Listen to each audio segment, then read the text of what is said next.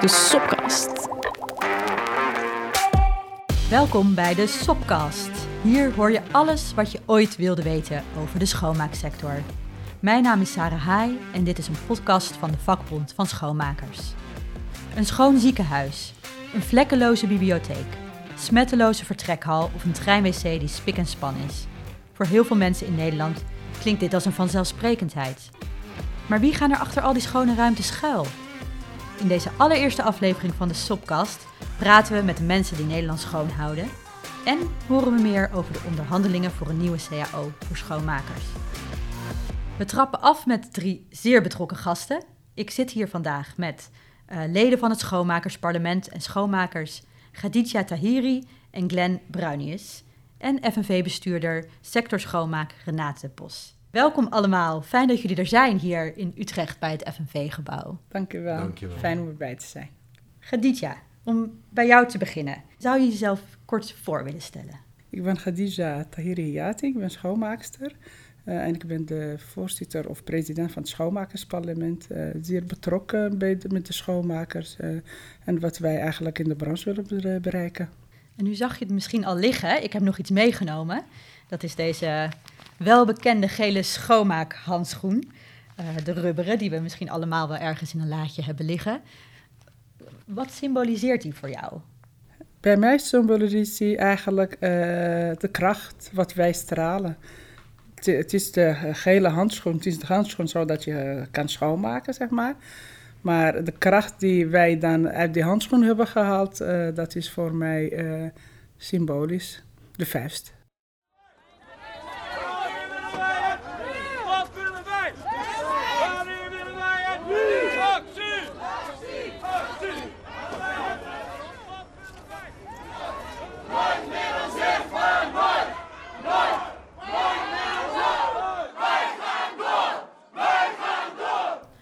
Wat willen we respect? Wanneer willen we dat nu? Dat was twee jaar geleden volgens mij ook jullie strijdkreet of leus. Um, kan je vertellen waarom respect zo belangrijk is? Uh, respect is een woord, maar die woord heeft heel veel dingen waar we die respect kunnen uitroepen. Het respect is niet alleen dat je zegt, ja, goedemorgen, Khadija, respecteer je, maar ook in waardering. En waardering uit, uit, vanuit het respect is mij behoorlijk belonen zodat ik kan leven in plaats van overleven. Zodat ik mijn werk op een goede manier kan doen en niet gewoon de hele dag zit te rennen. En eigenlijk ben ik niet tevreden met wat ik doe. En dat is dan de werkdruk. Uh, dat is voor mij respect. En uh, in die CAO van twee jaar geleden hebben jullie een stukje extra respect verdiend? Ja, we hebben afspraken gemaakt binnen het CAO. Uh, dat de mensen zeg maar een werkoverleg kunnen krijgen, of moeten krijgen eigenlijk. Dat de mensen individuele gesprekken met de werkgever moeten krijgen. En dat is ook een soort respect naar de mens toe. Want dan vraag je van hoe gaat het, wat kan ik voor je doen? Dat wordt onder respect, ja. ja. We hebben, we kijk, met een onderhandeling uh, ga je met punten naar binnen. En natuurlijk kom je met, niet met 100% naar buiten, maar we waren redelijk tevreden en zeer tevreden. En vooral over onze 1 mei. Ja, vertel, wat hebben jullie voor elkaar gekregen? We hebben voor elkaar gekregen dat uh, onze sector uh, 1 mei vrij is. Of je verjaardag, maar we gaan voor 1 mei. Voor de dag van dus, de arbeid. Uh, voor de dag van de arbeid, zeker. Dat is wereldwijd, zijn de mensen bijna overal vrij, behalve in Nederland. Dus wij hebben dat binnengehaald en daar ben ik zeer trots op. Ja, ja Renate Bos, misschien daar denk ik dat jij ook nog wel wat over kan vertellen. Zou je ook willen beginnen met jezelf voor te stellen? Jazeker, Renate Bos, uh, sinds 2016 uh, bestuurder uh, bij, CA, of bij FNV Schoonmaak en ook onderhandelaar voor de CAO Schoonmaak. Dit jaar voor het eerst met een nieuwe collega. Oh ja, vertel. Nee, ja, tot nu toe heb ik het samen met je Linzen gedaan en deze keer ga ik het voor het eerst met goede collega Harry Hogeboom uh, de onderhandelingen doen. Met Kadisha natuurlijk. En met Glenn. Want we zitten daar altijd in ieder geval met of de president of de vicepresident aan tafel.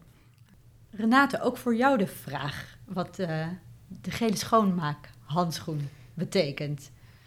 Voor mij is het echt, hè, en ik hoorde Kadisha zeggen kracht, en dat zie ik ook, maar voor mij is het echt het symbool van strijd. Van mensen die, ja, die zichtbaar willen zijn, die gezien willen worden en die gewoon strijden voor waardering voor wat zij doen in onze samenleving. En het is een van de mooiste symbolen die we volgens mij als vakbond hebben ja, hij, hij staat voor mij daar echt voor. Voor dingen die we bereikt hebben en dingen die we nog steeds voor moeten vechten in onze sector. Ja, want die strijd is nog nodig. Ja, die is nog nodig. Ja, ja. ja Kadisha zegt altijd: we zijn uit, een stukje uit de kelder, maar nog niet helemaal. En dat is ook zo. Sommige dingen ja, zijn beter. Hè? Kijk je naar het loon bijvoorbeeld. We hebben niet meer een minimumloon. Ja, weet je, alsof dat moet of zo, hè? Maar, maar goed, als je kijkt naar wat mensen doen, wat voor werk mensen hebben, dan is de beloning eigenlijk, toch gewoon laag.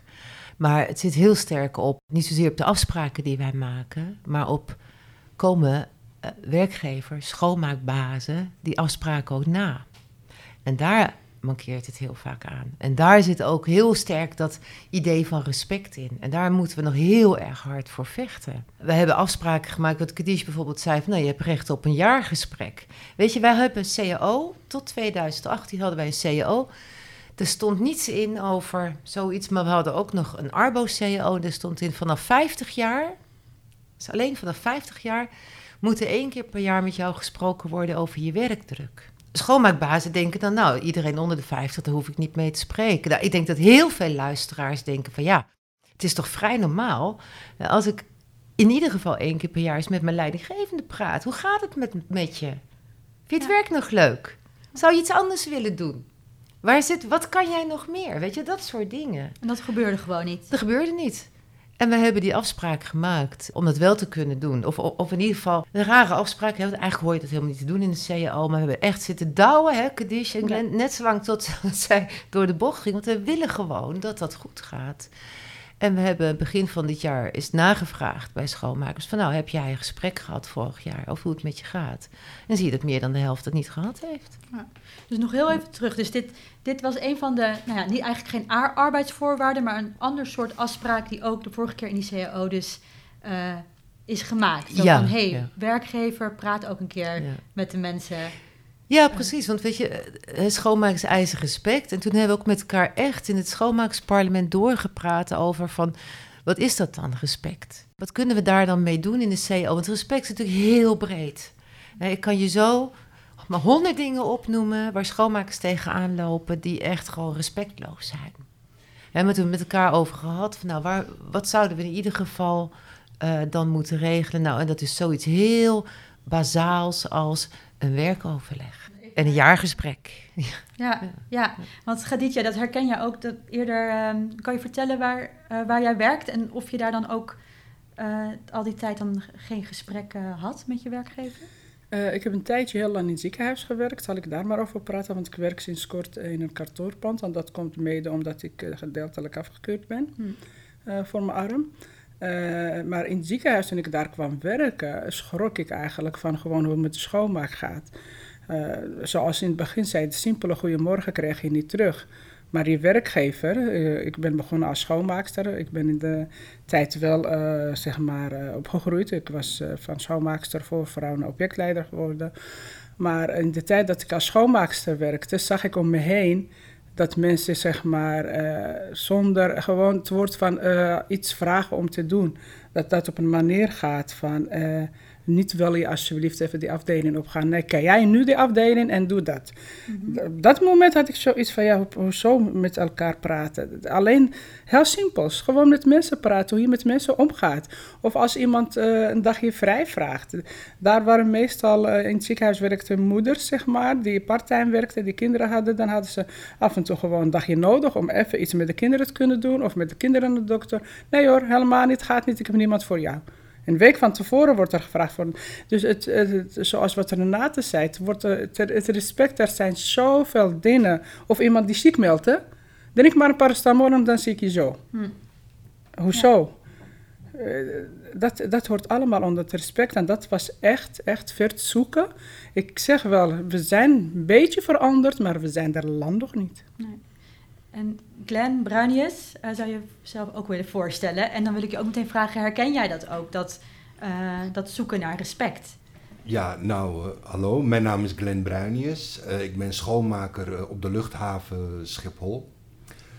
tevens ben ik sinds 2005 lid geworden van de FNV. Ik zit in het schoonmakersparlement. Ik zit in de regering waar ik vicepresident ben. En ik zit tevens ook in de kadergroep van Schiphol terug te komen over het onderwerp respect. Gelukkig, bij mij, het bedrijf waar ik werk, is is, is er wel een soort uh, van respect. Uh, een aantal jaren geleden hadden wij het heel moeilijk. En daar is de FNV uh, bij gekomen.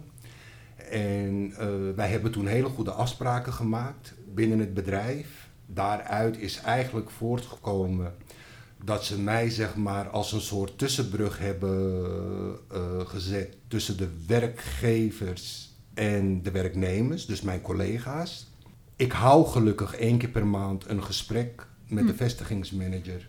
En als wij ziek zijn, dan kunnen wij gewoon ziek zijn. Bij ons wordt er gelukkig niet zo op een nare manier uh, mensen benaderd, collega's benaderd dat je zeg maar dat, dat, dat angstgevoel hebt. Want ik denk ook dat dat er heel veel mee te maken heeft. We zijn sinds 2010 zijn we echt heel actief bezig. En als je dan nu kijkt, zijn we nu 11 jaar zijn we verder. En nog steeds kom je schoonmakers tegen, helaas, die gewoon echt bang zijn voor de, voor de werkgever. En op het moment dat ze zich ziek melden, dat ze gewoon hun vakantiedagen daarvoor moeten gebruiken. Hm. Terwijl wij keihard gevochten hebben en keihard gestreden hebben voor het feit dat bij de eerste dag als we ziek zijn, dat we gewoon recht hebben om doorbetaald te worden. Want wij hebben echt het statement uitgegeven van ziek zijn is geen keuze. Hm. Niemand wil ziek worden, niemand wil ziek zijn. Het kan iedereen overkomen. En op het moment dat je dan ziek bent en dat je dan ook nog zo benaderd wordt en zo behandeld wordt door een werkgever. Ja, want die zegt dus neem maar een paracetamolletje of neem maar een vakantiedag uh, op. En, uh, ja, dat komen we heel vaak tegen nog, helaas. Helaas. Daarom, er is nog zeker heel veel werk aan de winkel. Heel veel, ja. Ja, en jij zegt net van, ik heb wel zo'n gesprek maandelijks. Ja, kan je vertellen, wat komt daar uh, ter tafel? Wat is, uh, is nou, fijn om dat zo'n gesprek te kunnen voeren? Nou, je moet eigenlijk voorstellen, één keer per maand of één keer in de vijf weken uh, zoeken de vestigingsmanager en ik zoeken elkaar op. En dan gaan we ook echt een uur aan de tafel zitten en dan gaan we ook echt praten over de dingen. Wat gaat er wel goed en wat gaat er niet goed? En de dingen die niet goed gaan, wat kunnen we veranderen? En hoe kunnen we het wel beter maken? Of hoe kunnen we de dingen oplossen? Dus door met elkaar uh, in verbinding te blijven en door met elkaar toch te blijven praten, te blijven communiceren, merk ik zelf persoonlijk dat het behoorlijk veel positieve effecten effect heeft. Dus er blijven niet meer dingen lang op de werkvloer liggen. Mhm. Dat het zeg maar op een gegeven moment zo'n grote issue wordt. Heb je een voorbeeld? Wat, wat zou er bijvoorbeeld kunnen spelen? Ja, bijvoorbeeld, ehm, er wordt bijvoorbeeld een, een, een waarschuwing gegeven. Mhm. En dan word ik daarvan op de hoogte gebracht. Luister, Glenn, die en die heeft een waarschuwing gekregen. Ik denk dat die en die wel bij je gaat komen. Als dat zo is, laat het me weten. Dan gaan we met z'n drieën aan de tafel zitten en dan gaan we kijken van wat is er nou eigenlijk daadwerkelijk gebeurd. En moeten we die waarschuwing wel intrekken of moeten we die waarschuwing niet intrekken? Dat, dat zijn echt de, de, de, belangrijke dingen. Ja, en dan door, door er met elkaar over te praten, uh, ja, Kan, kan, je veel verder komen. Precies. Ja, want Renate, dat gaf jij ook al eerder aan. Dus jullie hebben niet voor niets natuurlijk die eisen ook vorige keer op de, in de CAO gezet. Van zorg nou dat er gesprekjes zijn. Want wat voor dingen zou dat op kunnen vangen, denk je? Dat er goed, beter contact is tussen de schoonmakers en de schoonmaakbazen, zoals uh, je dus net noemde. Nou, kijk, we hebben in de schoonmaak, een aantal andere sectoren hebben dat, kennen dat ook, maar waar wij in de schoonmaak mee te maken hebben, is dat schoonmakers krijgen om de drie, vier jaar een andere baas. Mm dat noemen we aanbesteden. en dan, uh, dan komt er weer een andere baas. Ik, er is geen enkele schoonmaker die werkt bij een schoonmaakbedrijf. Hè. Glenn zegt, ik werk op Schiphol. Kadisha zegt, ik werk in een ziekenhuis. Maar hun werkgever noemen ze niet. Hm. En dat snap ik ook, want die werkgever die wisselt om de vier jaar. En zo is dat systeem in Nederland. We moeten aanbesteden hè, en dan is het idee, dan kunnen we het beter doen. Maar feitelijk is het, dan kunnen we het goedkoper doen. Dat is eigenlijk wat er gebeurt. En als er gewisseld wordt, zo'n contractwisseling, dan hebben we afgesproken in de CAO, en dat vinden de schoonmakers ook superbelangrijk, gaan we ook nooit meer eruit halen, dat zij mogen blijven op de plek waar ze werken. En die werkgever die moet hen overnemen. Maar die werkgever heeft helemaal geen band met de schoonmakers. Die bouwt die ook niet op. Want die denkt, ja, over drie of vier jaar gaat misschien een andere werkgever. Dus je krijgt een situatie waarin helemaal geen binding is. Nou, wat gebeurt er nou als je mensen wel kent? Nou, voorbeeld, eh 2018, 2019, we, hadden, we doen ook wel eens wat projecten met elkaar. Werkgevers hadden opeens tekort aan mensen. Mhm. Dus die gingen als gekken uitzendbureaus bellen en zo. Maar ja, krapte op de arbeidsmarkt zitten we nu ook in. En er waren, mensen waren niet aan te slepen. Heeft voor de schoonmakers altijd tot gevolg dat de werkdruk toeneemt. Dus het is super belangrijk dat er mensen bijkomen. Maar wat heel veel werkgevers niet wisten, was dat ongeveer 70% van de schoonmakers graag meer uren wil werken. Want de gemiddelde schoonmaker werkt 20 uur in de week. En met 20 uur in de week schoonmaken verdien je minder dan een bijstandsuitkering. Dat is dus niet genoeg. Nee, de meesten willen dus meer werken. Ik Mensen kijk willen ook graag even meer uren. Glenn Niet en iedereen. Aan. Ja. Ja, dat herkennen Ja. jullie ook. Dat herkennen wij zeker. En wat je ziet, en dat geven collega's ook aan. Bijvoorbeeld collega's die dan wat Renate net riep, 20 uur per week werken, worden niet aangesproken. Goh, zou je misschien ietsje meer willen werken? En daar zou dit gesprek ook aan toe kunnen leiden. Want als jij een gesprek hebt met je medewerkers, dan kan je ook zien van waar behoefte aan is. En dan kan je daar aansluiten. En wat collega's zien dan, van er, eh, er zijn vacatures, er worden uitzendkrachten gehaald, men- mensen van buitenaf. Maar ik zit daar toch te wachten op een kans. En die krijg ik niet. Nee.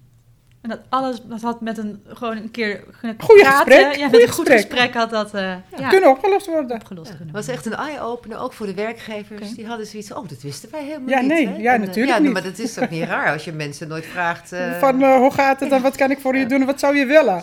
ja. Ja. Ja, en daar wil ik ook iets eh, aan toevoegen. Heel toevallig zijn wij nu de laatste twee maanden bij ons in het bedrijf zijn we bezig met formulieren en het heet eh, jouw werkgeluk. En eh, daar kun je echt exact aangeven wat je wilt. Wil je een opleiding binnen het bedrijf gaan volgen? Of wil je hoger opkomen? Of wil je meer uren werken? Of wil je minder uren werken? En eh, zijn de tijden die je werkt, zijn die heel erg moeilijk? Vind je het te zwaar? Bijvoorbeeld ik, ik werk twee weken avonddienst en twee weken nachtdienst. Ik was 26 dat ik op de luchthaven kwam en ik werkte alleen maar nachtdiensten. Alleen maar nachtdiensten. Maar naarmate ik dus nu ouder begin te worden, begin ik nu ook zelf te merken dat nachtdienst voor mij ook een probleem gaat worden. Zwaar. Precies. Dus wat ik dus nu heb aangegeven, het liefste zou ik gewoon eigenlijk van de nachtdienst af willen. En dan gewoon zeg maar vier weken eh, alleen maar één vaste dienst willen draaien. Vanaf half drie 's middags tot half elf 's avonds. Dat je gewoon een constant ritme hebt. En dat je niet meer die afwisselende diensten hebt. Dus ik denk dat het ook heel erg fijn is dat een werkgever ons daar eh, de gelegenheid toe geeft om zeg maar van, van, van ons standpunt uit te kunnen brengen of uit te kunnen geven of te kunnen vertellen van dit en dit zijn de punten waar ik tegenaan loop. En of ze binnen een dag opgelost worden, nou dat zal natuurlijk absoluut niet zo zijn, maar wel dat de werkgever in ieder geval ermee bezig is om eens te kijken van god, wat speelt er nou eigenlijk binnen mijn bedrijf en wat speelt er nu eigenlijk af bij de werknemers.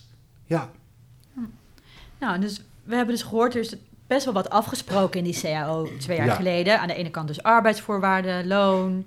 Het is ook gegaan over een eindejaarsuitkering, over 1 mei vrij. En wat we net ook nog hebben besproken, dus meer contact tussen werknemer en werkgever.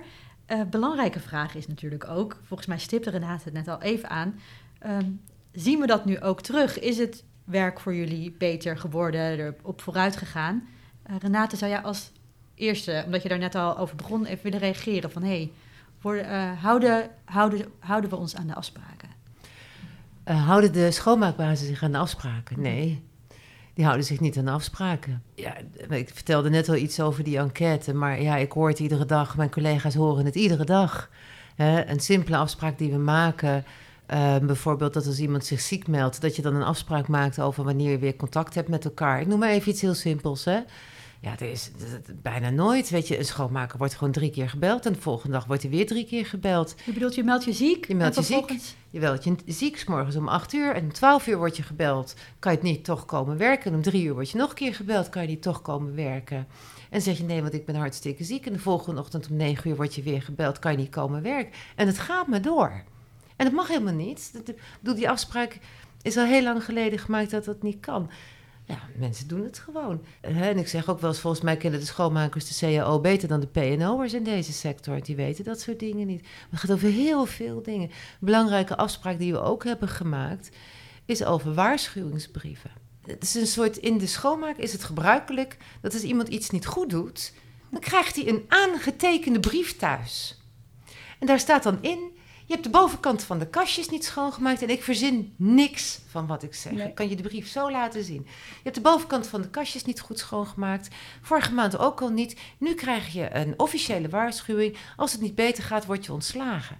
Ja, je zou bijna kunnen zeggen dat is intimiderend. Dat is hartstikke intimiderend.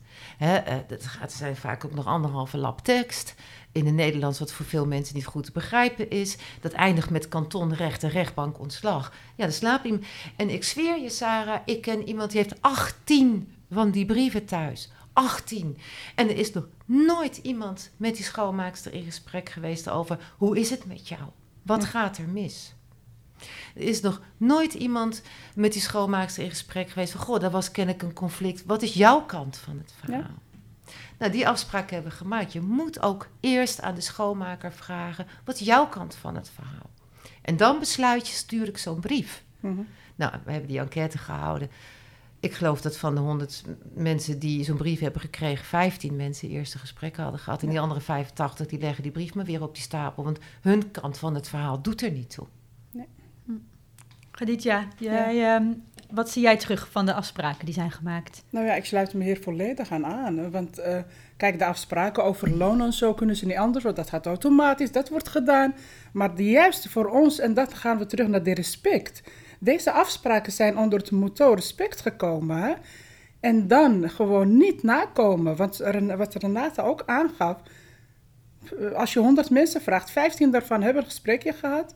Of hebben eerst een gesprek voordat een waarschuwingsbrief komt. En de andere absoluut niet. En het gaat echt om gewoon benullige dingen. Het is, al benoemd. Een bovenkast die vergeten is. Een prullenbak die vergeten is. Vijf minuten misschien laat. Of vijf minuten misschien eerder naar huis. Hè? Praat met die persoon. Het gebeurt gewoon niet. En wat ik nu zeg, we kunnen zoveel afspreken, maar als de naleving nu komt, nou dan moeten we nu misschien een hele goede afspraak gaan maken over het naleven. Want dat is het belangrijkste, naleven. Ik kan heel veel dingen afspreken, maar als je het niet naleeft, heb ik nog steeds niks. Maar je zegt eigenlijk, natuurlijk is het belangrijk om op tijd te komen en om je werk goed te doen. En als dat niet gebeurt, dan is het ook wel zaak dat de werkgever kijkt van... hé, hey, wat Tuurlijk, speelt daar dan, dan bijvoorbeeld als ik het zo doe, dan van... nou ja, Khadija, kan je, kan, heb je even vijf minuten voor mij? Kunnen we even...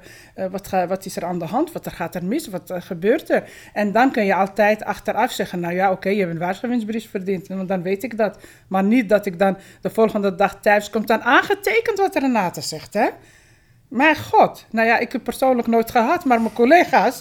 En dan denk ik, dat ze, dan schrikken ze echt. Want dan krijg ik een appje met die brief, met, uh, gefilmd met die brief van Gedisha, wat moet ik hiermee? Ja, ja, het is echt, dat, dat gebeurt overal. En kan ik niet eens schoonmaakbedrijf zeggen dat die dat doet, maar het is echt overal. We zeggen dat ook zo tegen zo'n regiomanager. Maak jij wel eens een fout? Kom je wel eens te laat? En dan zeggen ze altijd ja. Ik zeg, hoeveel van die brieven heb jij dan thuis liggen? Ja, ja. Wat, hoe kan dat? Ja en ik denk iedereen die naar deze podcast luistert, echt nu denkt van wat is hier aan de hand? Want dit is natuurlijk niet een normale manier van omgaan met elkaar. Nee, want, ja, dat is echt wat we nog steeds vragen. Gewoon normaal omgaan met ons, met onze collega's. En dan kom je heel ver. Dan kom je heel ver. Dan kan je echt de branche veranderen. Maar als je gewoon als leidinggevende gewoon niet ding doet en denkt, die mensen moeten maar, ja, dan komen we niet verder.